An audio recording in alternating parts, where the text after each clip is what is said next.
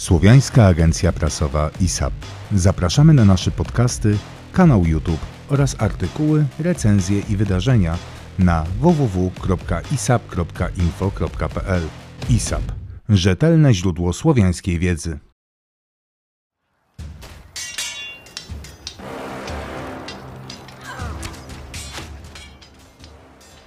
Ja nazywam się Szymon Gidis, jestem ze Słowiańskiej Agencji Prasowej, a ze mną jest tutaj Igor Górewicz, e, który jest wojewodą e, drużyny Grodu Trygława E, i będziemy w dniu dzisiejszym rozmawiać na temat rekonstrukcji nie tylko i wyłącznie wczesnośredniowiecznej Słowian czy Wikingów, ale także późniejszych wieków i to nawet nie tylko i wyłącznie polskich. E, Więc może na sam po, początek e, bardzo bym prosił, żebyś mógł się przedstawić nam wszystkim. No cześć, dzień dobry, nazywam się Igor Górewicz, e, jestem wojewodą drużyny Grodu Trzygłowa i e, e, ale żeby miał wymienić wszystkie zajęcia, które jakby wypełniają moją osobę, to, to, to byłoby trochę, no cóż, piszę książki, wydaję książki, jestem wojownikiem, językingiem, odtwórcą historycznym, jeszcze wrócimy do tematu słowa rekonstrukcja zapewne, bo koli mnie w ucho.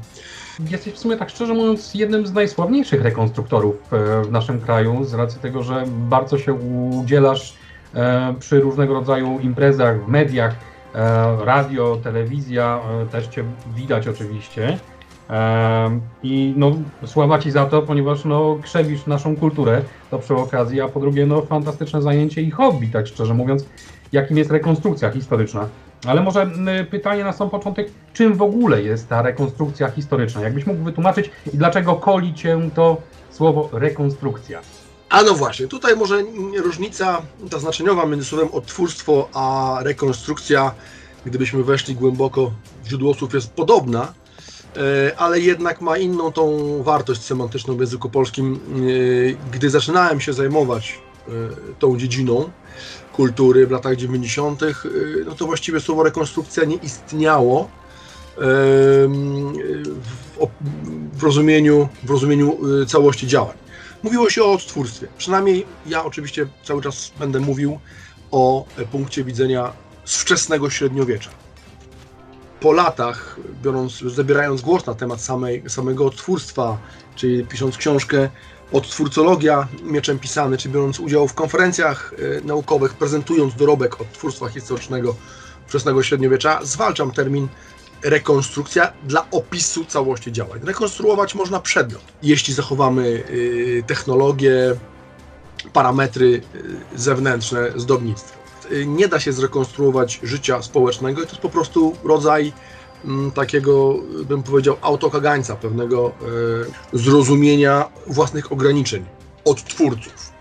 Tak samo jak nie da się zrekonstruować bitwy, bo nie ta skala, nie to miejsce, nie ten moment psychologiczny, nie to realne zagrożenie, inna epoka, więc inny sposób myślenia ludzi, na po... no, cały szereg elementów sprawia, że to nie jest żadna rekonstrukcja. Bitwy są albo po prostu rodzajem współczesnych zmagań, albo w najlepszym wypadku e, inscenizacjami. Jeśli mają odtwarzać, przybliżać e, wydarzenia jakiejś konkretnej bitwy, nie wiem, jak pod Hastings, tak? Natomiast, czy, więc ja, ja jednak jestem mocno przywiązany do terminu odtwórstwo, który określa sumę działań, w tym rekonstrukcji. Mówiąc krótko, rekonstrukcję bym zarezerwował dla najlepszych rzemieślników. No, podsumowaliśmy, m, czym jest, e, już będę tutaj dawał ten termin, który sam powiedziałeś, odtwórstwo historyczne. E, powiedz mi, czy to jest dla Ciebie bardziej hobby, czy może sposób na życie? Jak to wygląda u Ciebie? No ja nie ukrywam, że znowu mówię z pozycji szczęściarza, dlatego że stało się to treścią mojego życia. E, Od głębokiej fascynacji duchową i, kultur, i materialną kulturą e, Słowian i szerzej wczesnego średniowiecza, jeszcze na studiach będąc, miałem szczęście być wśród tego zaczynu, wśród tych kilkudziesięciu osób, które w Polsce bez wzajemnych konsultacji rozpoczęły mm, e, ten ruch nazwijmy to e, słowiański czy wikiński, no wczesnośredniowieczny. No i tak było wiele, e, wielkie zapotrzebowanie rosło, byśmy w stanie wytworzyć taką mm, atmosferę, że właściwie po studiach ja nigdy nie podjąłem innej pracy niż tylko całkowite poświęcenie się rozwojowi własnej drużyny i jej prezentacji na zewnątrz, bo z dzisiejszego punktu widzenia Słowiańszczyzna jest niemal mainstreamem, tak? To, to jest efekt pracy już w tej chwili ponad dwóch dekad yy, sporej grupy ludzi, zespołów muzycznych no, z Żywiołakiem i Percivalem yy, na czele, no bo jedni no, no, mają jedni i drudzy ogromne mm, zasługi na tym polu. Nie ma co ukrywać, że przez muzykę promocja jest, jest, jest, jest ogromna. Natomiast w latach 90. o tych Słowianach to mało kto co słyszał. Wychowani w PRL-u jeszcze mieliśmy, mieliśmy komiksy o legendach polskich i, i, i Kajka i Kokosza, mówiąc oczywiście z, z przekąsem, ale później temat został kompletnie mm, wyparty z takiego, jak to ładnie się mówi, szerokiego dyskursu.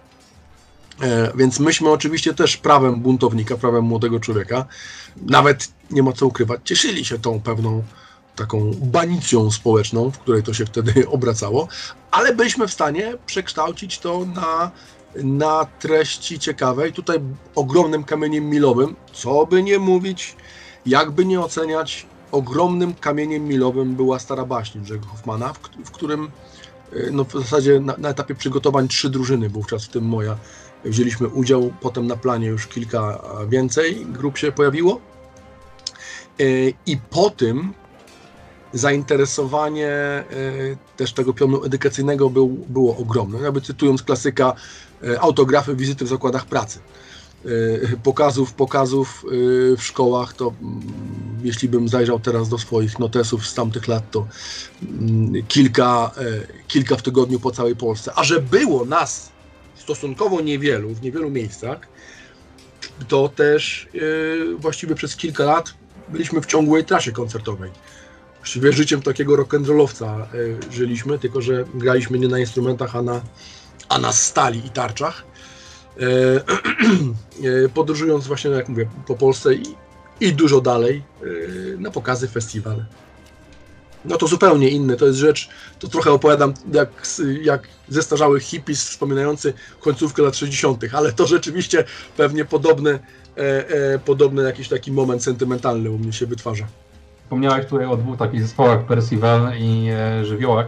Mm, ja tutaj dodam jeszcze jeden chyba zespół, ale bardziej z południa, Jar, mm, który jest ze Sławkowa. Może nie jest on może tak stary i niesamowicie mm, dużo dał od siebie, w tamtych czasach, jednakże no, chłopaki robią naprawdę kawał dobrej roboty, chociażby jak dla mnie. Na pewno, ja, ja akurat mówię to, co jakby jest w moim, w mojej perspektywie, to co ja widzę. Powiedz mi, jak wyglądały w ogóle początki e, odtwórstwa historycznego w Polsce, bo jak dobrze mi się wydaje, widziałem gdzieś e, albo twoje zdjęcie z dawnych, dawnych lat 90., bądź kogokolwiek innego, który miał zbroję kolczą zrobioną z podkładek do śrub. To nie ja, to nie ja, ale znam i to nie jednego. No tak, trochę pokory u każdego by się przydało i u nas, i u, u młodszych. Łatwo jest z perspektywy, yy, jakby ktoś wchodzi w środowisko w pełni ukształtowane, yy, nabijać się, krytykować jakby z pierwocin. Miałem przyjemność kiedyś rozmawiać z takim chyba Ray Stigant, się nazywał, nazywa się facet, jeśli żyje, bo on mocno, bardzo wiekowy już wtedy był, rozmawiałem z nim kilkanaście lat temu i on pokazywał swoje zdjęcia z pierwszych inscenizacji pod Hastings mm, na Millennium, a więc z 66 roku i potem jeszcze kilkukrotnie. No oczywiście, że z punktu widzenia odtwórcy z końca lat 90., czyli moich i, i początku lat 2000, on wyglądał, no nie chcę powiedzieć niedorzecznie, ale zabawnie. Natomiast nie można tego oceniać z mojego punktu widzenia, z naszego stanu wiedzy, z z naszego opatrzenia się estetyką. Mm, no i tak samo yy, wtedy. Po pierwsze, dzisiaj internet zrewolucjonizował kompletnie yy, odtwórstwo historyczne i pewnie każdą inną dziedzinę aktywności ludzkiej, dlatego że nie dość, że dostęp do informacji, a jeszcze przy portalach w rodzaju Akademia Edu, gdzie mamy dostęp do badań naukowych ludzi z całego świata, bez potrzeby nawet wizyty w bibliotece, jest po prostu inny. Oprócz tego, że jest treść, którą możemy zgłębiać, na wyciągnięcie ręki, to jeszcze są dostępne środki. Mówiąc krótko, sklepy przeznaczone dla odtwórców historycznych, rzemieślnicy, a nawet produkcja masowa przybywająca z dalekiego kontynentu. Więc y, y, dzisiaj jest to niezwykle łatwo, bym powiedział wręcz, wręcz trywialnie. Natomiast ja pamiętam, że moją motywacją, i to powtarzam również bez krępacji, y, moją motywacją był wstyd. Otóż będąc na wszystkich festiwalach wolińskich, początkowo jako, y, jako widz, festiwale wolińskie były organizowane przy współpracy y, z muzeum w Danii, a ono z kolei jako wojowników zaprosiło Joms Wikingów z Philem Bartemem na czele.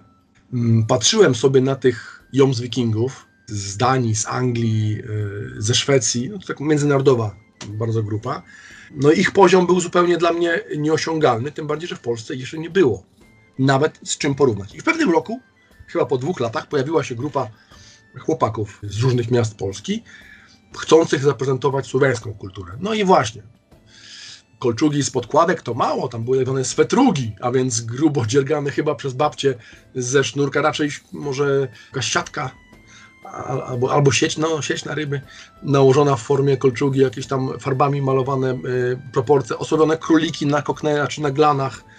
Mm, no taki skrzyżowanie właśnie y, Konana i Kajka i Kokosza.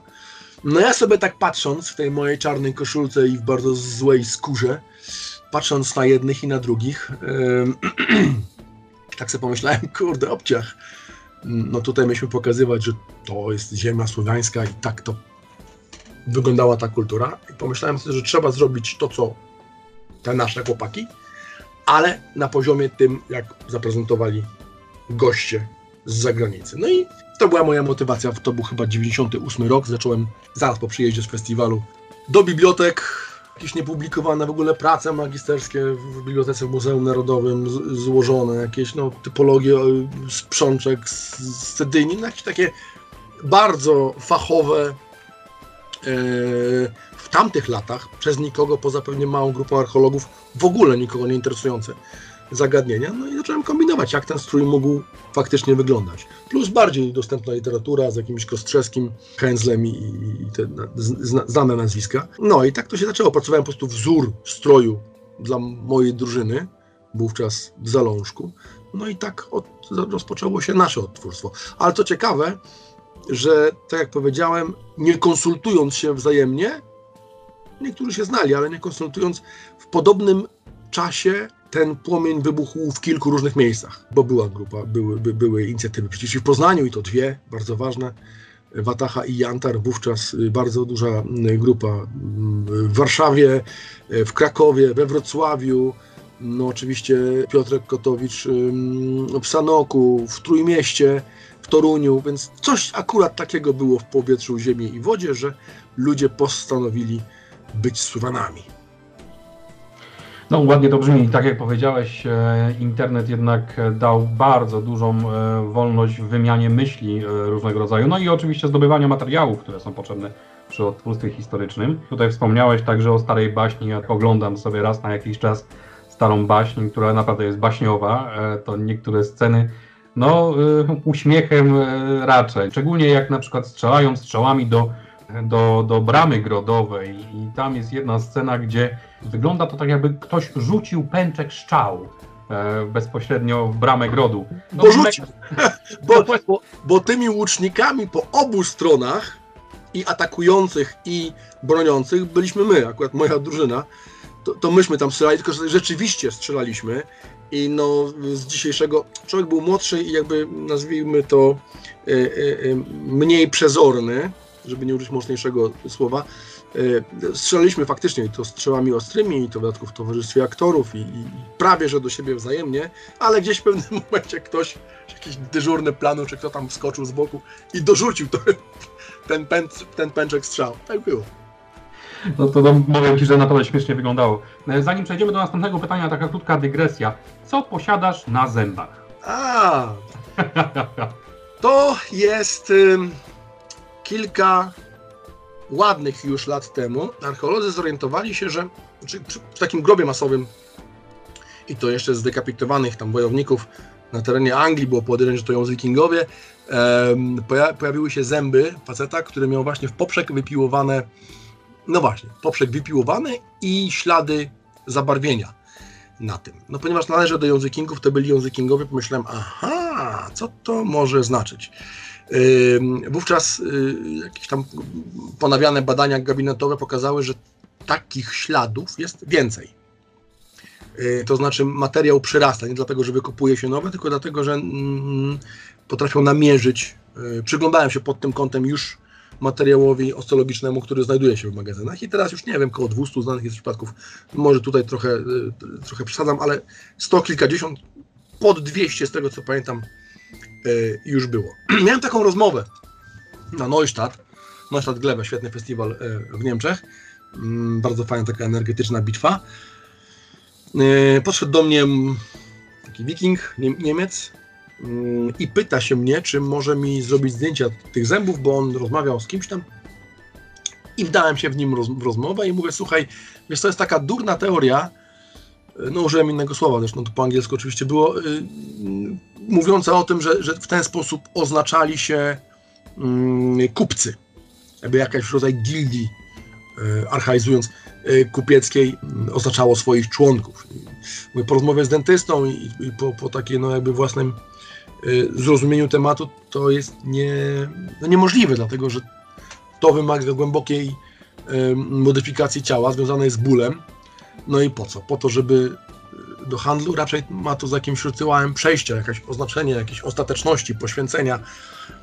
A on tak patrzy na mnie i mówi, to jest moja teoria. Akurat spośród całego tłumu wylosowałem, wylosowałem faceta, który głosił tą teorię i powiedziałem mu w twarz, że jest głupia. Chyba została, no zweryfikowano to rzeczywiście, jeszcze potem miałem kilka rozmów y, z archeologami. No oczywiście pewności nigdy nie będziemy mieli, natomiast te nacięcia znajduje się w grobach dobrze wyposażonych, bogatych i związanych z, raczej z, z, z wojowniczością. No i ja sobie myślę, że taki rodzaj y, ostateczny, no, skoro ma już zawsze boleć, mnie nie boli. I się też nie psuje. Jakby ktoś zrobił. Nie, wszystko jest tutaj zrobione y, y, po nowoczesnemu. Taki rytuał chyba ostatecznego, nie wiem, jakichś berserkerów, nadużywane oczywiście słowo, Mm, jakieś, jakieś yy, walka do śmierci w czasie bitwy. Ja oczywiście sam siebie śmierci nie poświęcam, natomiast nie ma co ukrywać, że swoje życie poświęciłem, całe dorosłe życie poświęciłem kulturę wczesnego średniowiecza, prowadzeniu drużyny, więc jakby jestem zawodowym wojownikiem i wojewodą. No i to właśnie na znak tego. A że jestem również językingiem, a jest ten link łączący z Wikingami ze względu na ten grup masowy w Anglii, to pomyślałem sobie, że tak. To życzę Ci, żebyś jeszcze wiele, wiele, wiele, wiele lat był w, tej, w tym odtwórstwie rekonstrukcji, e, przepraszam, nie rekonstrukcji, odtwórstwie historycznym. Mam taki zamiar. E, I żeby było coraz lepiej. E, ale przejdźmy do takich mm, tematów e, bliskich zwykłym zjadaczom chleba wielu ludzi, tak mi się chociażby osobiście wydaje, oglądając e, zmagania odtwórców historycznych, szczególnie tych na polu, którzy się e, biją, e, chcą zacząć takie odtwórstwo historyczne. I powiedz mi, od czego tutaj trzeba byłoby zacząć? Bo ja widzę tutaj kilka dróg. Po pierwsze, no oczywiście, na pewno jakaś wiedza, a jeżeli wiedza, to skąd? Druga sprawa, no to fajnie by było zdobyć jakiś ekwipunek, bo przecież w t-shircie nie pójdę na pole walczyć i nie będę się okładał lagą, a przydałby się jakiś miecz. Po trzecie, ekwipunek to nie tylko i wyłącznie do walki, ale różnego rodzaju ozdoby. Po czwarte, y, obóz. Obóz też rządzi się swoimi prawami, gdzie e, trzeba sobie zapewnić jakiś dach nad głową, coś do jedzenia, no i prawdopodobnie do picia. Od czego trzeba byłoby zacząć? Zacząć od początku, a więc od najbardziej bazowego y, potrzebnego sprzętu czy wyposażenia, a właściwie stroju. Tak jak mówiłem, dostępność w tej chwili materiałów jest ogromna. Jeśli nawet nie sklepy z gotowymi produktami, to rzemieślnicy, którzy mm, oferują swoje. Natomiast ja nadal stoję na stanowisku, że pierwszy strój czy pierwsze zestaw wyposażenia należy zrobić sam. No ja kiedyś zrobiłem swoją kolczugę, swoją lamelkę, yy, oczywiście tak, do dzisiaj robię, no nie, przepraszam, już teraz kupuję, a nawet wycią wyciąłem sobie siekierę, znaczy topór z siekiery, ale przypominam, to były inne czasy. Kształt był absolutnie zachowany, włącznie z obuchem, z no, i, i, in, insza inszość. Natomiast yy, najczęściej ludzie jednak grupują się, tak? Czyli mało kto mm, rozpoczyna tą drogę y, samodzielnie, oczywiście można, ale fajnie jest znaleźć dobrą, dobrą grupę na dobrym poziomie odtwórstwa i też taką ciekawą społecznie, bo jeśli wchodzimy do drużyny, no to jednak po to, żeby spędzić w niej ładnych kilka lat i dobrze, jak to jest po prostu ciekawa, ciekawa grupa ludzi, z którymi będziemy dobrze, dobrze się czuli. Natomiast internet ma te swoje zalety, ale ma również i wady, bo jak ktoś nieprzygotowany rozpoczyna całą tą przygodę, to trudno mu jest zweryfikować, co jest y, prawidłowego, co jest nieprawidłowego, a niestety no zalew jest tak duży, że większość to tandeta, y, a mniejszość to rzeczy mm, prawidłowo, prawidłowo wykonane. Polecam jednak sięganie do źródeł sprawdzonych. Najpierw się oczytać najpierw opatrzeć i to może w ikonografię epoki, to naprawdę jest wszystko dostępne, a w tej chwili już cyfryzuje się nawet y, y, manuskrypty, więc już w ogóle można sobie na obrazki z epoki y, popatrzeć. Nie brać za dobrą monetę zdjęć żadnej drużyny, bo raz, że oczywiście duże zagrożenie nieprawidłowością, dwa, że nie, nie zawsze rozumiemy kontekstu. Jeszcze gdy sprawa dotyczy samego wyposażenia bojowego, no to w miarę w miarę tutaj łatwo i sprawę ponaciągać, bo oczywiście broń jest zupełnie niewrażliwa jako marker etniczny, to, to, to, ale też bez przesady. To nie jest tak, że pełna dowolność, jednak archeologia pewne, pewne, pewne wnioski e, potrafi e, przedstawić, jeśli chodzi o popularność poszczególnych elementów uzbrojenia. No przede wszystkim zdobyć wiedzę. No, ja jestem może nudziarzem e, i zdaję sobie też sprawę, zresztą pisałem o tym w niejednym artykule, że ludzie pojawiają się w odtwórstwie motywowani bardzo różnorako. To znaczy, dla jednych jest to rzeczywiście potrzeba zgłębiania tej kultury materialnej, dla niektórych duchowej, dla jeszcze innych obu. Dla kolejnych odtwórców najważniejszy jest ten element społeczny, a więc ta jakby współczesna drużyna, to co się między ludźmi dzieje. Ze względów oczywistych społeczeństwo dzisiejszej no, brakuje tego takiego naturalnego kontaktu międzyludzkiego. Kiedyś, że powiem, żeby wychować dziecko, potrzebna była cała wieś, a relacje y, międzysąsiedzkie były dość bliskie, nawet jeśli nienawistne, to bliskie. A teraz jesteśmy dość, y, dość wyizolowani i ludzie po prostu poszukują normalnie w świecie y, drugiego człowieka, czy grupy ludzi. Dla jeszcze innych, szczególnie chłopaków, to oczywiste. Walka jest tym podstawowym elementem i jeśli ktoś przychodzi przede wszystkim walczyć, tłuc się, no to niekoniecznie trzeba spodziewać się, że będzie elaboraty y, y, y, czytał na, pod, na, na temat każdego elementu swojego stroju. Więc już samo, samo to zjawisko twórstwa historycznego jest ogromnie różnorodne wewnętrznie. No więc dlatego trudno mi powiedzieć, od czego zacząć. Znaleźć dobrą grupę, trenować i się uczyć od tego zacząć powinien każdy. A powiedz mi tak, bo... Bardzo, bardzo niepraktyczna rada.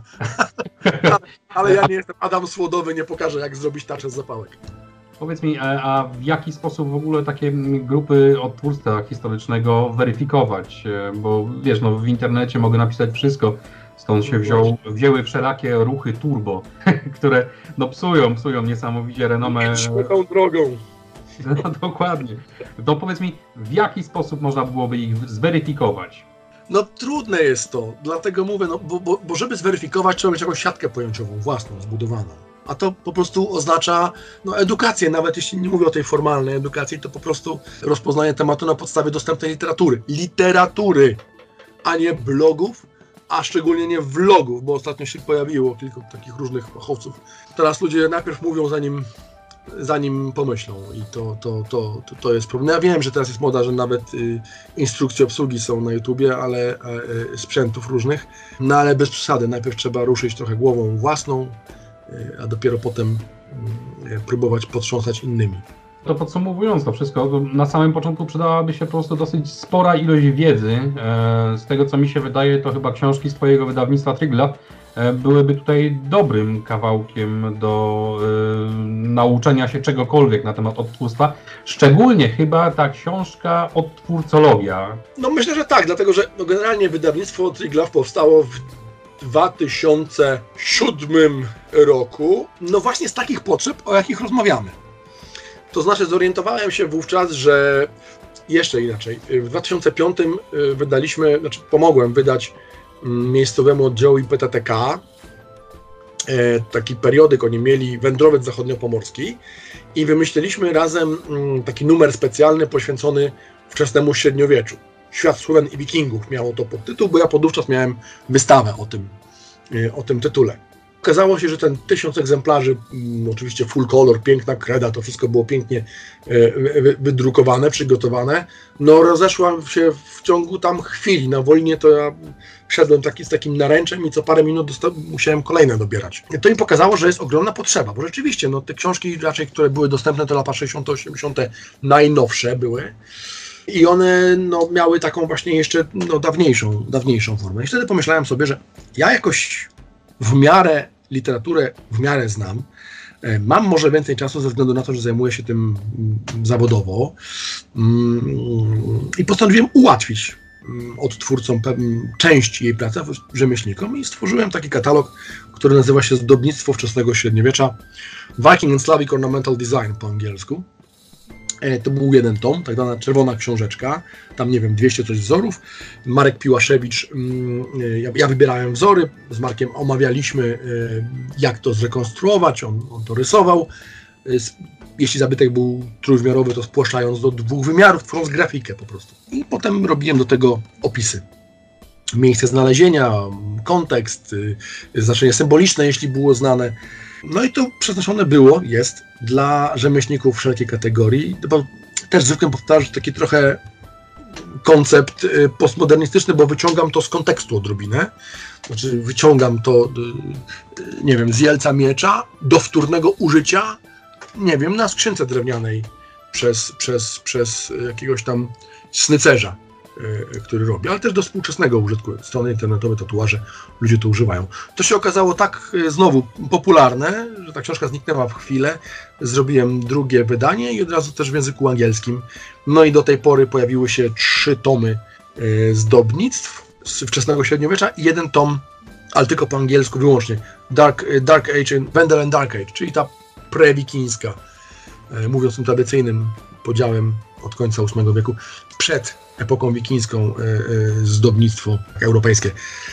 Miecza, mieczem pisane odtwórcologia opisuje nie tylko festiwale, na których wówczas byłem, od właśnie Wolin, jeden z pierwszych Wolinów jest tam opisany, Mm, to był artykuł do jakiejś gazety na zamówienie robionej. Tutaj po prostu w tym zbiorze e, się znalazł. Mam ją pod ręką, więc się pomogę z pisem treści, może słychać jak wertuje. Mm, ale to właśnie Hastings niesamowite, bo jakby nauczyło ogromną, ogromnie jak wyglądała prawdziwa bitwa. Akurat Hastings jest bardziej teatrem niż współczesnym zmaganiem, tam odtwarza się rzeczywiście poszczególne elementy bitwy, ale skala, przynajmniej tego co było w 2006 roku, czyli 900 40 rocznica, mnie jako wojownika i, i dowódcę m, nauczyło bardzo dużo, jak to mogło przybliżyć. Wbrew pozorom, ten teatr przybliży mnie bardziej mm, mentalnie do realnej bitwy niż, niż ustawka na Wolinie. Biskupin y, w tematyce Rzymian i barbarzyńców, no festiwal, który nieprawdopodobne y, prace pod względem popularyzacji archeologii wniósł w Polsce. Na równi i Biskupin i Wolin w innych jakby zakresach, może dla innej publiczności, ale, ale y, stawiam je absolutnie na równi. I też przy okazji takiego projektu pobocznego, który kiedyś tam zrealizowaliśmy, projektu Goci, barbarzyńcy, no nie chcę mi się wchodzić tutaj w dywagację, czy to bar barbarzyńcy, Goci, łamane, kultura wielbarska. Tutaj trochę filozofuję na temat właśnie czym jest odtwórstwo, a czym nie jest rekonstrukcja. Jak należałoby budować także te struktury większe, jakieś tam drużynowe, nawet chodzi o sposób zamawiania sprzętu, mm, uniformizację pewnych elementów, to co powinno być e, zuniformizowane, to co jednak bardziej indywidualne u każdego. No, takie, takie rozważania. Tym mieczem pisane, ale ona jest chyba e, na pewno nie u mnie e, i, i chyba w innych księgarniach jest też niedostępna. Taka pigułka całkowita, no, co powiem, dla dzieci i młodzieży, to Poznań Słowian, taki katalog, taki album E, zrobiliśmy w 2014 roku, już na podstawie zdjęć samych odtwórców. I to jest bardzo ciekawe, że ci, którzy są na tych zdjęciach, oni rzeczywiście to wykonują, każdy temat poszczególny. Dzieci, pożywienie, dom, higiena, wierzenia, drużyna i tak dalej. Każdy jest na jakby rozkładówce A4. I są poskładane zdjęcia i opisy. Więc ci ludzie, którzy są na tych zdjęciach, to oni prezentują rzemiosło to, którym się zajmują. E, nie wiem, Walerka, Walerka ilustruje ceramikę, a Kostek z Białorusi pokazuje piśmiennictwo wczesne średniowieczne. Ludzie, którzy rzeczywiście tym żyją i mają coś do powiedzenia, więc to jest też taki dokument o samym odtwórstwie. To bym polecał. No i nieskromnie po raz kolejny o wojownikach Słowian, książka z zeszłego roku. O wojownikach Słowian, drużyny i bitwy na lądzie i morzu. I jak ktoś się zajmuje tą stroną drużynną, wojskową, wydaje mi się, że powinien to znać. W sposób, no tak przynajmniej wynika z recenzji, w sposób przystępny i zrozumiały. Mm, opisuje budowę, znaczy strukturę drużyny i taktykę, taktyki różne, które używali Słowianie we wczesnym średniowieczu, a to jest tylko przygrywka do książki, która, no dzisiaj mamy, jeśli to nie tajemnica, 28 lutego, 15 marca do drukarni wchodzi w końcu rzecz y, pisana łącznie z tą o wojownikach Słowian, czyli o broni Słowian, o broni Słowian na wojnie i w kulturze. Taki podtytuł. No i tutaj odtwórcy będą mogli, y, bo po kolei wszystkie kategorie broni, tam jest chyba między 700 a 800 stron, więc tak yy, solidnie tam będzie można sobie, oczywiście nie jest, to, nie jest to słowo objawione, ze wszystkim można dyskutować, ale wydaje mi się, że pewne podsumowanie stanu wiedzy na temat poszczególnych kategorii broni. Włącznie jest tak mało używanymi dzisiaj jak proca, yy, maczuga, czy tam nasieki różne, yy, pokazuje czy należy, czy nie należy używać szabel i pałaszy, zdecydowanie zbyt popularnych na polskich polach bitew. No, włócznia, miecz, tarcza, hełm, pancerz, wszystkie te elementy. Więc tak naprawdę, jak ktoś chce zajmować wojaczką, to ten mój dublet o wojownikach Słowian i obroni Słowian powinien wyczerpać głód wiedzy. Jeżeli chodzi o tą książkę o wojownikach Słowian, to właśnie e, już za niedługo na łamach Słowiańskiej Agencji Prasowej pojawi się także recenzja tej e, książki, więc no, nasi słuchacze najprawdopodobniej też sięgną po tą recenzję. Mam nadzieję, że skuszą się także na zakup tej książki, jeżeli będą chcieli w późniejszym czasie już nie zrekonstruować, a odtwarzać historię e, Słowian. Przejdźmy do kolejnego pytania, bo tutaj akurat jeżeli chodzi o Słowian, to wiemy o tym, że no tak, po pierwsze jeżeli chodzi o odtwórstwo historyczne, to na pewno odtwórstwo nie jest tylko i wyłącznie wczesnego średniowiecza, ale mamy różnego rodzaju inne okresy, bo e, średniowiecze normalne, później e, pierwsza, druga wojna światowa, wojny napoleońskie, dwudziestolecie międzywojenne. Ogólnie rzecz biorąc, to każdy okres z historii jest możliwy do odtwarzania. Tak, a nawet prahistorii, bo słyszałem właśnie o e, neolicie, że tak. ktoś, tak. e, nie wiem czy biskupin, czy na Dymarkach Świętokrzyskich. Tak, między, na biskupinie jest taki też projekt Ociego, czyli tego zmarzlucha, nazwijmy to, e, wyciągniętego. No nie, no to, to tutaj to, to jest archeologia doświadczalna, to są spece wysokie, wysokich lotów, którzy niesamowicie to rzeczywiście do życia przywołują. A nawet podobno gdzieś w Europie jest grupa neandertalczyków. Tylko trzeba wiedzieć, że ten obraz neandertalczyka się zmienił w nauce ostatnich latach. To już nie jest obelga ty neandertalu, bo się okazuje, że ludzie wrażliwi ponoć i na muzykę. Ale w Polsce, nie wiem, 8 lat temu strzelam. Jeden z uniwersytetów, nie wiem czy nie toruński, przeprowadził badania odtwórstwa historycznego. Wyszły dwie książki z tego. Bardzo słabe książki. w ogóle chyba szukali ciekawostek i sensacyjek, a nie, a nie motywacji. I, I potem te badania też były w, w prasie mm, prezentowane i tam padła liczba 200 tysięcy ludzi, którzy wtedy, to mówię kilka lat temu, mieli zajmować się odtwórstwem historycznym w Polsce różnych epok bo to nie tylko tak jak powiedziałeś, pełne średniowiecze, yy, późne średniowiecze, no, wszystkie epoki nowożytności, jedne bardziej popularne, drugie mniej. Historia najnowsza przecież.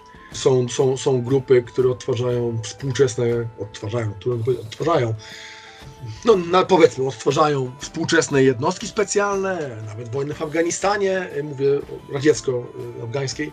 Czy to prawdziwa liczba 200 tysięcy? Wydaje mi się to mało prawdopodobne, ale, ale nie niemożliwe, bo też czym jest, jak zdefiniować odtwórcę? Czy kogoś, kto zajmuje się tym odpowiednio długo? No raczej nie. Z dużą intensywnością, no to gdzie będzie ta granica? Raz w tygodniu to wystarczy, czy nie? Część inscenizacji, które są organizowane przy różnych obchodach, niech to będą inscenizacje związane z powstaniem styczniowym, czy insurrekcji kościczkowskiej, bo takie, bo takie też są, to często, gęsto są to ludzie, którzy w ten strój ten strój przyoblekają wyłącznie na tą okazję, powiedzmy raz w roku. y, albo dwa razy w roku. No, poniekąd też są to odtwórcy historyczni, no ale na pewno nie tak samo intensywnie się temu oddają, jak, nie wiem, jak rzemieślnik, który wykonuje tą swoją pracę y, zawodowo. Więc może licząc te wszystkie takie działania parateatralne, no to te 200 tysięcy ludzi może by się zebrało w kraju. A, a przechodząc do Słowian, e, wiem o tym, że słowiańszczyzna można, szczególnie jeżeli chodzi właśnie o twórstwo historyczne, podzielić się na parę rzeczy pod względem, no po pierwsze na pewno wieków, e, bo wczesne średniowieczne też można by było podzielić e, przed chrztem na przykład po chrzcie Polski, bądź na przykład na różnego rodzaju obszary wpływów, bo jest Wielka Morawa, E, są Pomorzanie, różnego rodzaju e, plemiona słowiańskie. E, w jaki sposób to wszystko ogarnąć i podzielić? Pierwsza ta propozycja podziału przed chrztem po chrzcie, nie, nie ma takiego podziału w odtwórstwie, poza drobnymi elementami jakby symbolizującymi konfesję. Mm, kultura materialna na tym, w tym zakresie, który, którym przedstawia odtwórstwo historyczne, tak drastycznie się nie zmieniła, bo nie zmieniła się wcale. Nie miało to wpływu na strój codzienny mas ludności na przykład, tak? Uzbrojenie też nie ze względu na chrzest ewaluowało, tylko ze względu na zmianę taktyki mm, po prostu w całym kontynencie. Uzbrojenie rozwija się w, sposób ciągły. To kiedyś Nadolski, który z książek pisał, że to, to, to podział, jakby nawet periodyzacja e, na wieki poszczególne na stulecia nie odpowiada zmianom w wojskowości, bo on na przykład yy, akurat jedną z książek napisał do 1450 roku, że w połowie XV wieku nastąpiła na tyle istotna zmiana, żeby mówić o nowej epoce, a nie w roku 1400. I to dotyczy też nas, yy, naszej epoki. Wczesne średniowiecze jest bardzo charakterystyczne, bo ze, szczególnie Słowiańszczyzna, ze względu na już no, wręcz legendarną ubogość źródeł źródła pisane mówią nam całkiem sporo o kulturze społecznej, dość sporo o, o, o duchowej, wbrew pozorom, wbrew utartemu yy, yy, przekonaniu. Pod względem kultury materialnej, no to jest pewien, pewna, pewna oczywiście losowość tego, co się zachowało.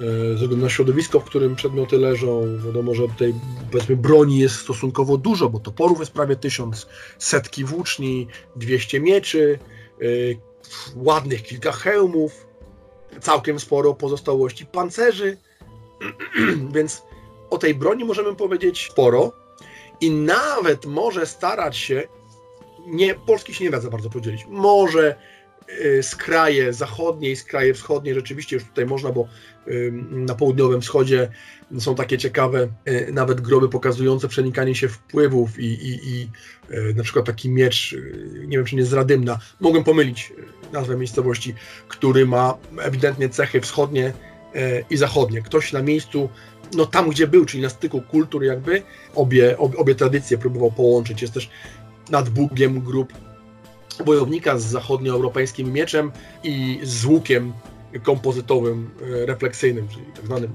wschodnim. Więc tak, są takie między powiedzmy tymi e, najdalszymi zakątkami Polski, a ja tutaj w Szczecinie, w narożniku, no to oczywiście do całego, do całej kultury Słowian nadbałtyckich e, możemy się odwoływać. Ale już w szerszym zakresie słowiańszczyzny, licząc od Łaby gdzieś daleko na Ruś, no to ta różnica będzie dość wyraźna nie tylko pod y, już y, kątem uzbrojenia, ale nawet, y, nawet biżuterii. I tu znowu, to jest ogromna zasługa mm, wielu, no już teraz setek ludzi w twórstwie historycznym, którzy dłubią, śledzą, myślą, oglądają i dopasowują te strony coraz bardziej regionalnie. Ale to mówimy przede wszystkim o tych elementach, na przykład ozdobach tak, metalowych, z metali szlachetnych oczywiście, ozdobach stroju, bo one się zachowały. Znacznie słabiej E, będzie e, ze strojami, bo tutaj ilość źródeł naprawdę jest ograniczona. Jest kilka informacji pisemnych, ale rozstrzelonych po różnych zakątkach Słowiańszczyzny, a tu jeden napisał, że szaty ogólnie ich są obszerne, tylko mankiety e, wąskie, tam gdzieś w bardzo wczesnym etapie, chyba z VI wieku, źródło mówi, że mieli szerokie gacie, czytaj spodnie, które podwijali aż tutaj do pachwin, Y, na ikonografii z kolei, takiej, która z XII wieku, spodnie są akurat wąskie raczej, a więc nastąpiła pewna zmiana, a może to regionalnie było. Mamy trochę miniaturowych figurek, ale to ledwo kilka, chociażby ze sławetnym y, posążkiem ze świecia, czyli niemieckiego y, Szwed, ten taki ludzik trzymający się pod biodra w szpiczastej czapce. Więc, ale to są, no, to, jest, to jest obrys postaci nie szczegóły techniczne wykonania stroju, ale co ciekawe, nawet ten obrys postaci dobrze pasuje do elementów opisu. Plus mój ulubiony przykład, jak się tam próbowali, to było dwa razy taka sytuacja, ale jedna, jak próbowali się chyba towarzysze mm, misji świętego Ottona e, z Bambergu na Pomorzu mm, dosłownie jakby dostać pomiędzy nich i nałożyli kapelusz, e, no, słowiańskie stroje nakładali. Jakiś tam e, kapelusz i, i, i płaszcz. No ale co to znaczy? Zdjęcia nie załączono. Było ta jednak rzecz na tyle charakterystyczna, że autor, a może tylko topos literacki, też nie wiadomo, ale zakłada się raczej, że było coś na tyle charakterystycznego, że mm, mm, było to czytelne dla ówczesnych mieszkańców Europy. Aha, w takim kapeluszu znaczy Słowianin. Tyle, że to było na tyle oczywiste, że, bo oczywiście autorzy pisali dla sobie współczesnych, że mm, my, że, że, że nie pokusili się o opis. Słowiański przecinek szpiczasty, słowiański przecinek czerwony, jakikolwiek. My tego oczywiście yy, niestety nie wiemy. No i oczywiście kwestia warstwy społecznej. Dlatego, że stosunkowo łatwo zrobić te warstwy wysokie, dlatego, że one wchodziły, najczęściej wchodziły w interakcję E, z elitami innych społeczeństw. Mało tego, ta kultura elitarna bardzo szybko rozprzestrzeniała się pomiędzy krajami, była tak naprawdę ponadetniczna e, i ponadregionalna, więc powiedzmy, że tam chrobry w swoim stroju mógł niewiele różnić się od e, jakiegoś tam króla, króla zachodniego, bo stamtąd po prostu brał wzorce, a oni wszyscy brali wzorce z Rzymu starożytnego, albo za albo za pośrednictwem Bizancjum, oczywiście to przetworzone przez setki lat, ale za pośrednictwem Bizancjum. Tutaj Ottonidzi byli przecież y, spokrewnieni już później z, y, z dworem bizantyjskim, czy po prostu z tradycji italskiej. Bo jest takie coś, że. A dobra, nie będziemy w to wchodzić, bo chciałem powiedzieć o wpływach niemieckich ludzi. O, tu Niemcy. To wszystko i tak płynie z Rzymu. No i, i tyle. Powiedz mi jeszcze jedną taką rzecz, tak z czysto historycznego punktu widzenia. Dużo ludzi się mnie także pyta, nie wiem jak im to odpowiedzieć. Od kiedy możemy mówić o państwie polskim? Oj, no to jest yy, cała osobna nauka i to my na ten temat yy, napisano. Państwo yy, książęce, no, była taka teoria, państwo plemienne, no nie będziemy tutaj yy, yy, wchodzić. Wydaje się, że koło tysięcznego roku słowo Polska, Polonia, weszło mm, do użytku. Natomiast na potrzeby, na potrzeby opisu naszego, tam gdzie rzeczywiście pojawia się już władztwo Piastów w sposób zorganizowany, śmiało można mówić o Polsce, a to, że nazwa stała się popularną 35 lat później, no to z naszego punktu widzenia, jeśli nie zajmujemy się, nie wiem, historią języka, to chyba jest drugorzędne, no bo tu mamy jeszcze państwo, Ibrahim Ibn Jakub jeszcze mówi o państwie Mesko, tak, kraj Mesko, Y, naj, naj, największy z, z, krajów tam tych barbarzyńskich, słowiańskich na północy. No ale to właśnie zależy, zależy y, do jakich potrzeb. Natomiast, natomiast archeologicznie jest, y, no w tej chwili nie ma wątpliwości, że Mieszko oczywiście był ogromnym o, ogromnym takim motorem przyspieszenia zmian. On był rzeczywiście zrewolucjonizował, zmienił politykę na tyle, że Polska, jego władztwo zostało mm, dostrzeżone przez źródła historyczne, bo tak to należy e, rozumieć, ale archeologicznie co najmniej na pokolenie wcześniej,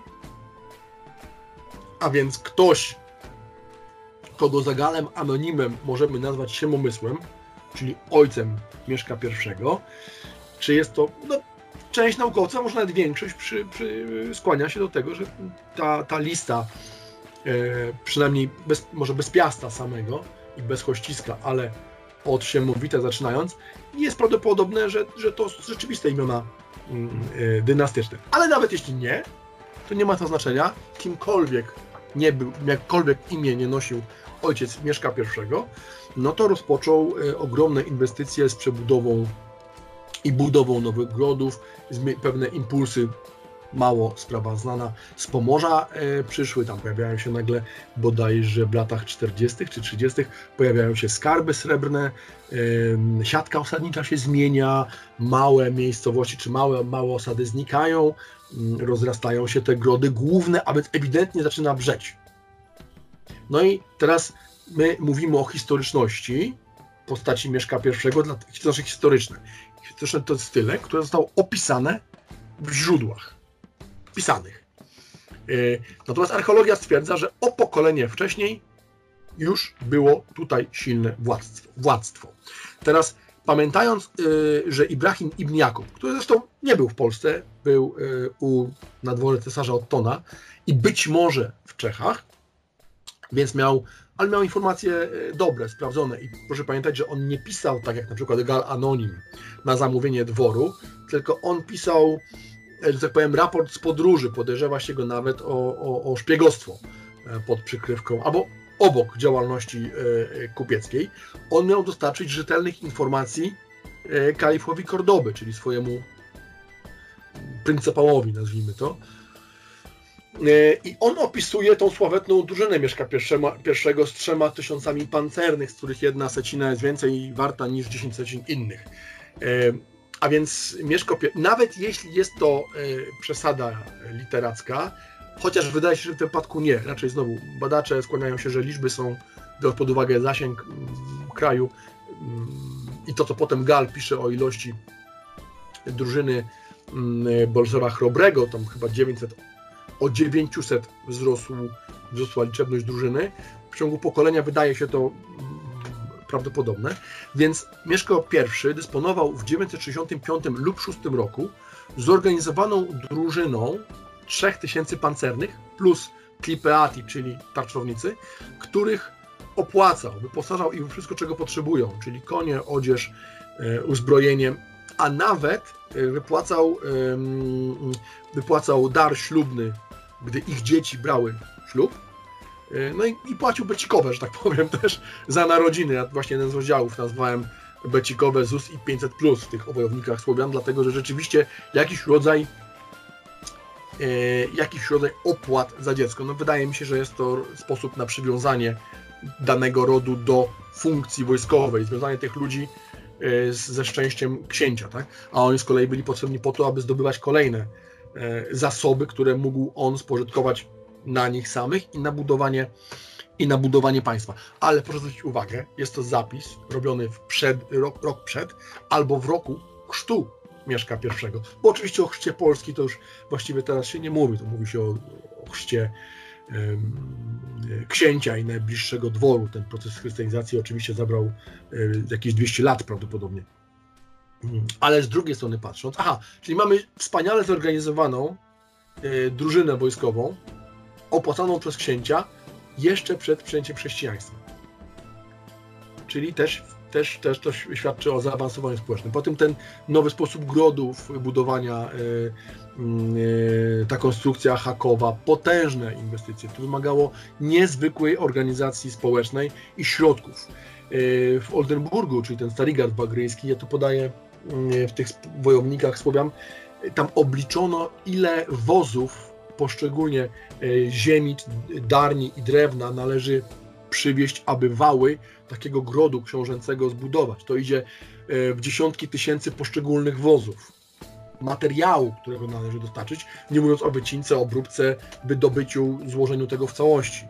Więc to pokazuje, że to rzeczywiście mm, ten mit początku w 966 roku, no, no to jest nie do utrzymania, ale na nieszczęście y, za dobrą monetę wzięli sobie to różni fantaści i tam tworzą, tworzą teorie kosmiczne y, wokół tego. No, tego. Tego nie należy robić, oczywiście nie, nie, nie, y, nie popadać w przesadę. Ale jeszcze jedno, jeśli mówimy o chrzcie Polski, kiedy powstała Polska i, i że to był chrzest Mieszka I, no trzeba pamiętać, że tak naprawdę tamto władztwo to był prywatny folwark dynastii. Właściwie książę równał się państwu.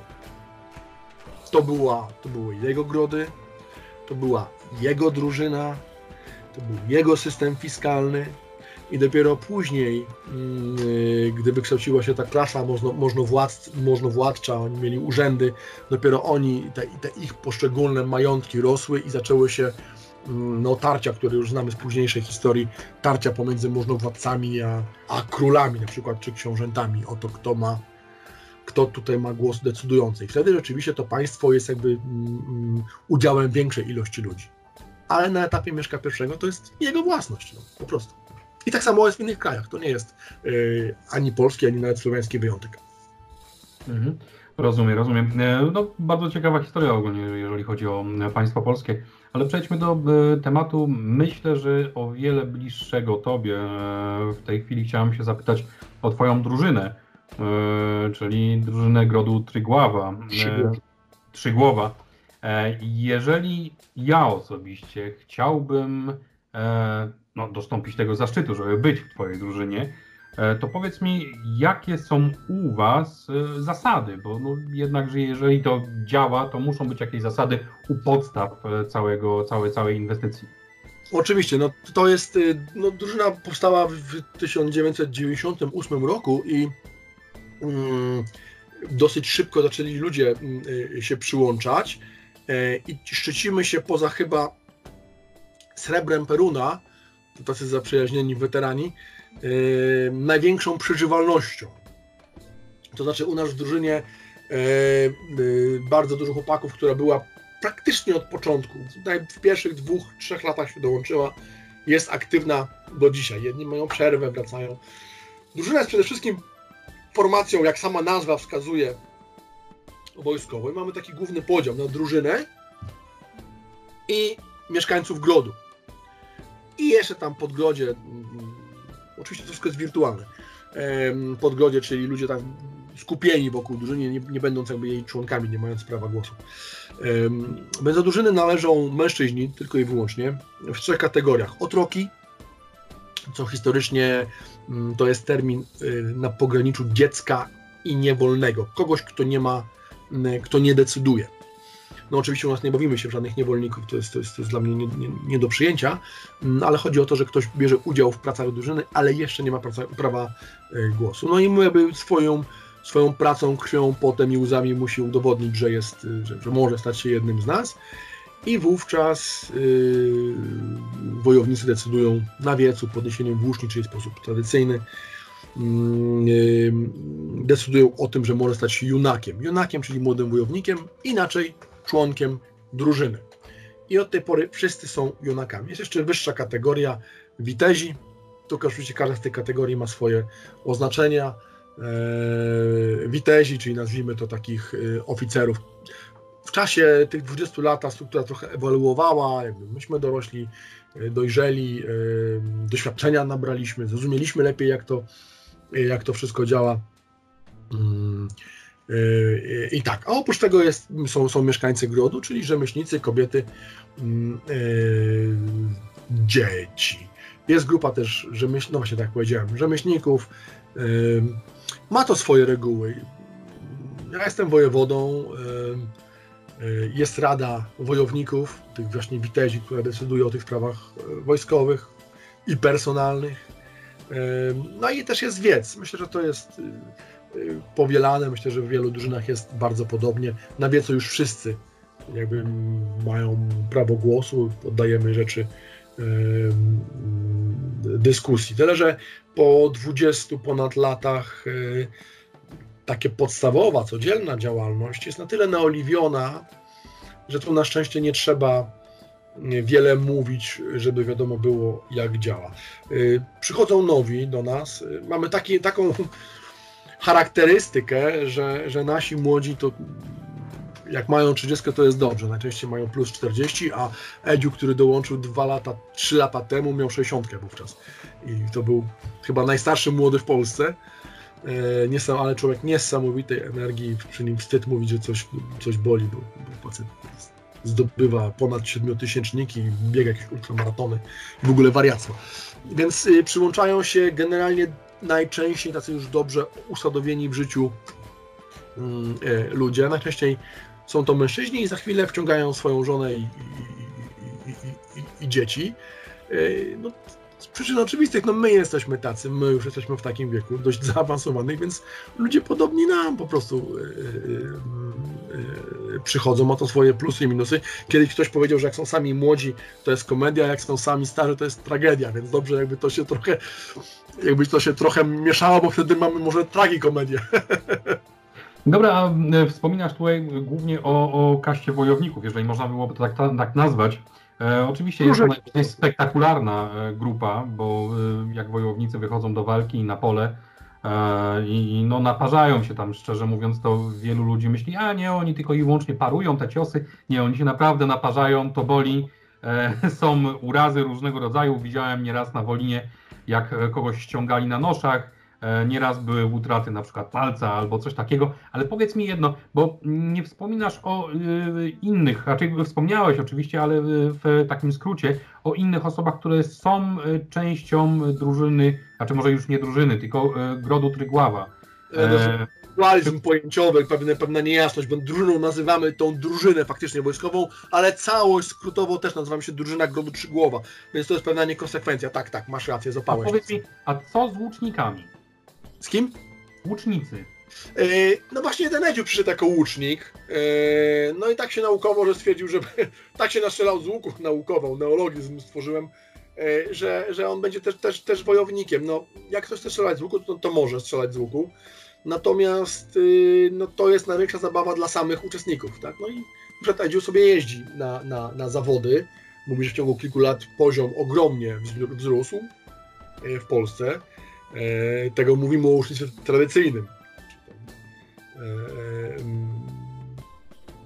z zachodu biorąc nawet prymitywnym, żadne prymitywne, tradycyjnym ucznictwie, że poziom bardzo ludzie, ludzie, całkiem sporo ludzi to uprawia i na bardzo dobrym poziomie. Natomiast jakby wydzielonej informacji w drużynie nie ma, no bo i po co? Jak ktoś chce strzelać z łuku, to tam się mogą spotykać i strzelać. Natomiast yy, no właśnie, nie stawiamy sobie za cel strzelanie do celu. Nie stawiamy sobie za cel jeżdżenia masowe na, na, na, na, na turnieje łucznicze, e, a do wykorzystania na inscenizacjach to jest na tyle rzadko. Brałem udział w inscenizacjach i bitwach prawdziwych z udziałem e, łuczników, ale to, to jest na tyle rzadko, że specjalną nudziliby się, o tak powiem. E, mamy też Łódź. To jest zupełnie inna. Od 2008 roku kupiłem replikę mm, e, łodzi słowiańskiej, e, zbudowanej na podstawie wraku z Wolina z X wieku, 11 metrów długa, no i ona była przez długi czas takim naszym oczkiem w głowę, trochę pływaliśmy, e, no ale to jest ogromna energia potrzebna, aby ją utrzymać przy życiu. Ja już nie mówię, że w perfekcyjnej formie. I właściwie co zima grupa ludzi przy tej łodzi mm, pracuje. W tej chwili trwa na przykład wymiana planek, a więc bardzo skomplikowana operacja. E, no ale to jest też forma działania drużyny, tak? Czyli chłopaki się spotykają w weekendy, e, gdy temperatura na to pozwala powyżej, powyżej zera, akurat taka zima, że co tydzień można. No i oni tam po prostu spędzają razem czas i wykonują coś razem. Prawie, że budują łódź to jest też y, aktywność, której, e, no, która jest możliwa właściwie tylko w drużynach, tylko w tego rodzaju e, strukturach. No dokładnie, dokładnie. A powiedz mi, e, może to jest troszeczkę... Mówię mało o dziewczynach, dlatego że no to jest ta kultura społeczna, którą bardzo trudno jest opisać. Trzeba być i zrozumieć. Oczywiście każda z nich też się odbywają regularnie u nas w domu spotkania i dziewczyny tam razem razem e, no, zajmują się jakimiś tam rzemiosłami, ucząc się wzajemnie. Oprócz tego śpiewają e, przy najpierw z drużyny, a potem, no, nie wiem, pewnie wielu, bo widzę, że to ponad bańkę ma wyświetleń, więc wiele osób widziało tą naszą Zoriuszkę.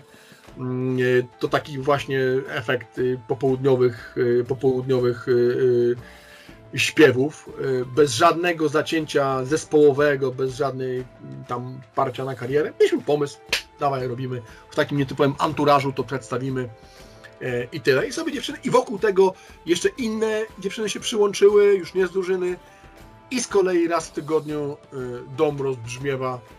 Nasz dom jest tym właśnie grodem Trzygłowa. Rozbrzmiewa studenckimi śpiewami. Ale oprócz tego wrze życie. To jest bardzo trudno opisać, nie będąc w środku. Po prostu są stosunki międzyludzkie. Lubię o tym mówić jako o równoległym, bo żeby nie powiedzieć podziemnym, bo nie ma tu nic ukrytego, równoległym społeczeństwie. Jeszcze inaczej mówiąc, stanowimy rodzaj rozproszonej wsi. Jakbyśmy wszyscy mieszkali na wsi, tyle że nasz, nasz dystans rzeczywiście nie jest za płotem, a powiedzmy na drugiej stronie miasta, albo na drugiej stronie, po drugiej stronie yy, kraju też, bo drużyna tego do Krzygłowa to ma siedzibę w Szczecinie i największą ilość ludzi, ale też jest na Mazowszu, jeden z chłopaków mieszka gdzieś tam pod Lublinem, w Poznaniu, yy, także i pod Poznaniem, także to, to, to i nie przeszkadza być razem, rzadziej lub częściej to powiem Ci, że kilka lat temu, to chyba było ze dwa albo ze trzy lata temu, jak e, opublikowaliście e, na YouTubie Zariuszkę, to no byłem zachwycony niesamowicie tym i do dnia dzisiejszego jestem zachwycony, e, jak pięknie można było przedstawić ten utwór. Ale powiem Ci, że troszkę niedosyt mój jest, bo ja myślałem, że to będzie tylko i wyłącznie zaczątek pewnego większego cyklu z pieśniami słowiańskimi, czego Wam osobiście życzę i naprawdę chciałbym, żeby to powstało dalej. Ale tutaj pytanie dla Beki teraz. E, kupiłem laserową dzidę, chcę być wojownikiem Wielkiej Lechii. Co ty na to? Y, to jeszcze okiełzna dinozaura i heja do boju. Dobra, no to będziemy się dalej bawić e, w Wielką Lechię. Powiedz mi, mm, e, jeżeli miałbyś się czymś w tej chwili pochwalić, jakimś największym osiągnięciem, jeżeli chodzi właśnie o odtwórstwo historyczne, co to by było? Yy... Ojej. Ja może odeślę słuchaczy na stronę www.igorgurewicz.pl. Tam zobaczycie, jak wiele rzeczy mnie jakby zajmowało e, w życiu i, i, i no, trudno wybrać coś. No na pewno mogę powiedzieć tak, o specyfice drużyny. Czym się jakby wyróżniamy, jeśli mogę w tą stronę. Po pierwsze, ten, ten, ten długi dystans, 22 już w tej chwili lat, przez który możemy obserwować całe to środowisko od narodzin do stanu dzisiejszego. To daje czasami taką, no, no dużo ironii i, i, no, inaczej się to obserwuje, gdy, gdy, gdy ma się tą perspektywę, tak?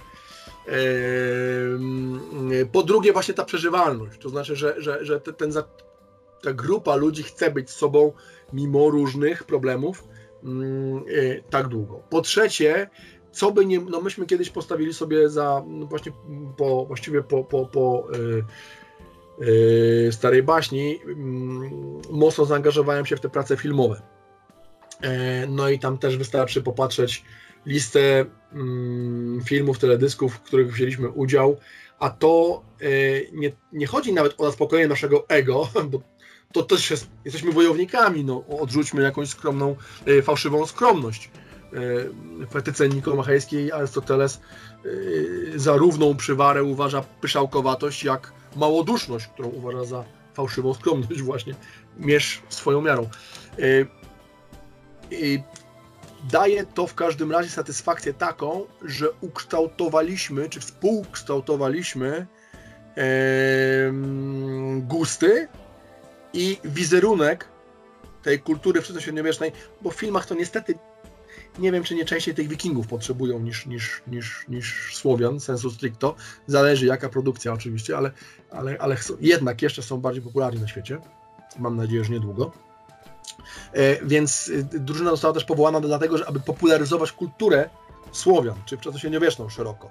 I no, na, y, patrząc chociażby przez tą ilość tych milionów, ja nie wiem ile milionów ludzi widziało w sumie te produkcje, w których wzięliśmy udział, w jakiś sposób dostało tą, tą tę taką szczepionkę y, dawnej kultury. Y, przyczyliśmy się do, do, do, popularyzacji tego. I to jest, no, to ja sobie sam i drużynie poczytuję za, y, za sukces. A były rzeczy no, niesamowite, no, no, no nie wiem, i braliśmy udział w produkcji hollywoodzkiej dla 20th Century Fox, Ja jeździłem z Menworem przez tygodnie na trasy koncertowe. No graliśmy no mówię, dla Amonów, dla, dla Sabatonu. No bardzo, no właściwie trudno jest wymienić mm, wszystko, żeby nie pominąć czegoś ciekawego. Ale ogólnie rzecz biorąc, chyba ta przeżywalność. Aha, jak była Muzeum Porządków Państwa Polskiego w Gnieźnie, chyba dwa lata temu, przygotowała wystawę Uwaga Historia, muzeum pod kierownictwem pana dyrektora Michała Bogeckiego w podtwórstwie historycznym zwanego jako Jano niegdyś. Uwaga Historia, odtwórstwo wczesno-średniowieczne w Polsce, to E, no właśnie pan dyrektor, będąc naukowcem, robił taką bardzo solidną kwerendę i wyszło mu, że właściwie wszystko to jest i smutne, i, i budujące. Że właściwie wszystko nowe, co w odtwórstwie historycznym wczesnego średniowiecza odbyło się do 2003 roku. Rejsy, no, no, właściwie wszystkie poszczególne elementy kultury zostały do wtedy ogarnięte. Kontakty międzynarodowe, wyjazdy, duże festiwale. E, do 2003 roku ukształtował się świat, rzeczywistość, w której funkcjonujemy. A potem, i tu mam dziką satysfakcję, bo to nie z moich ust, tylko jakby no, no, no z tej kwerendy i no, z rozmów wyszło, że nowe impulsy wychodziło, wychodziły stąd, wychodziły z właśnie drużyny. Bardzo to nieskromne, ale taki jest stan faktyczny. E, w 2004 roku przygotowaliśmy wystawę Świat Suweny Wikingów. To była pierwsza wystawa na dużą skalę robiona przez drużynę, przez odtwórców i ona była pokazywana w wielu muzeach w całym kraju. Jeździłem wtedy wręcz tirem z wieloma tonami materiału. Tam całą chatę budowaliśmy, e, za każdym razem jakieś fragmenty palisady. No oczywiście to, to yy, nie miało tak, takiego wykonania jak w skansenach, ale to, to było ruchome, to trzeba było wozić. Całe kurhany budowaliśmy, groby wojowników, głazy. Yy, na, tamtą, na tamten czas było to odkrywcze wręcz. Więc te wystawy. Później tych wystaw już było mnóstwo, twórcy robią, budują nawet całe przecież stałe wystawy. Drugim takim elementem to na pewno wydawnictwo Triglav, które jest jedynym do dzisiaj na świecie zbudowanym, znaczy powołanym przez odtwórców dla odtwórców. Oczywiście wyszliśmy dużo dalej już i, i, i nasi czytelnicy to, to, to już dalece, nie tylko odtwórcy, ale jednak. I trzecim elementem, y, to już u nas w naszym przypadku projekt upadły, ale zrobienie e, drużyny konnej. To na potrzeby defilady stulecia. W 2018 roku w Warszawie w drużynie Grodu Trzygłowa powołaliśmy oddział konny, wyposażyliśmy e, większość z nas od zera, nie wiem czy większość, połowa powiedzmy, uczyła się od zera jazdy konnej, było, wyposażyliśmy nie kto co ma w szafie, ale staraliśmy się tak, żeby żeby, żeby, żeby ta drużyna wyglądała w sposób zorganizowany i efekty tej pracy widać właśnie na okładce, na okładce o wojownikach Floran. Piękne zdjęcie Marka Kalisińskiego, e, niepozowane, tylko uchwycone faktycznie to zdjęcie po prostu oddaje idealnie to, co jest w książce. Mm, te krzaczory, tam jest debata o tym, czy konnicy używano, czy nie używano, e, bo dwa odpisy Ibn Jakuba są właściwie dla siebie sprzeczne. Mm, konnica jedzie w rzece na jakimś patrolu nadgranicznym w pełni wyposażona. Więc te elementy e, wystawy, wydawnictwo i, i, i, i konnica to jest rzecz, którą myśmy włożyli do twórstwa historycznego osobiście. I ta y, osłabiona przeżywalność, więc tutaj no tego...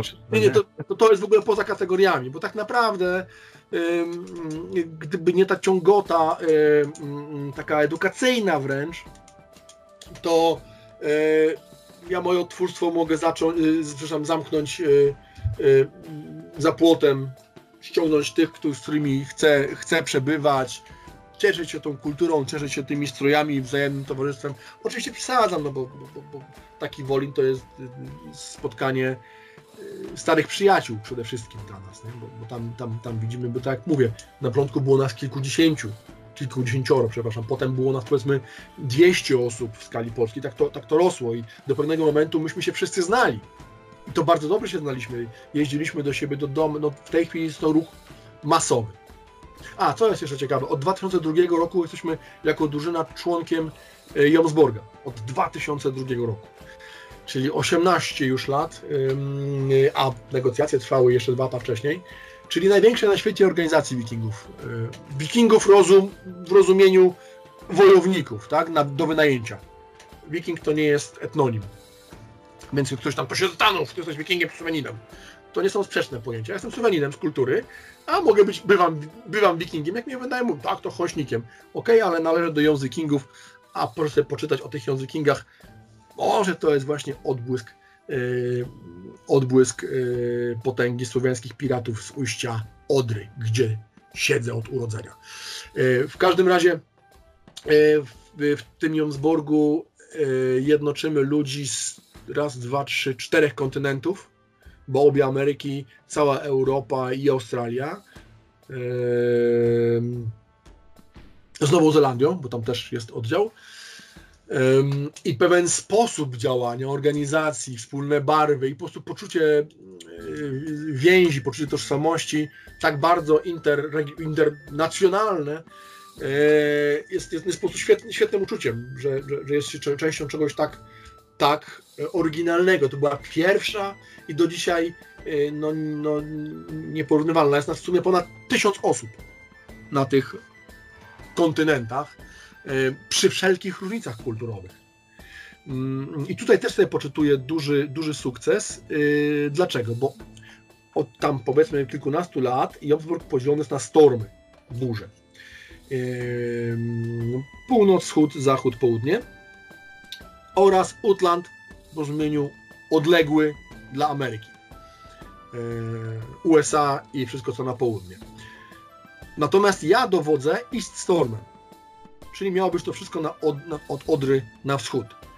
I tutaj są cztery drużyny w Polsce, czyli drużyna Godyczugłowa, Nordylak, e, Utlagar i Ulfborg. E, Białystok, Warszawa, e, Trójmiasto, Szczecin i Poznań, takie powiedzmy e, figura y, w Polsce, ale ta nasza kultura, ta żywiołowość, sposób walki, jakby też duchowe przeżywanie odtwórstwa, nie tylko kostium teatralny wkładany od Wielkiego Święta, ale uczestnictwo w tym całymi sobą spowodowało, że patrzyli na nas ludzie z innych, z innych krajów i oni y, w tym Jonsborgu chcieli być, ale tylko w Istormie.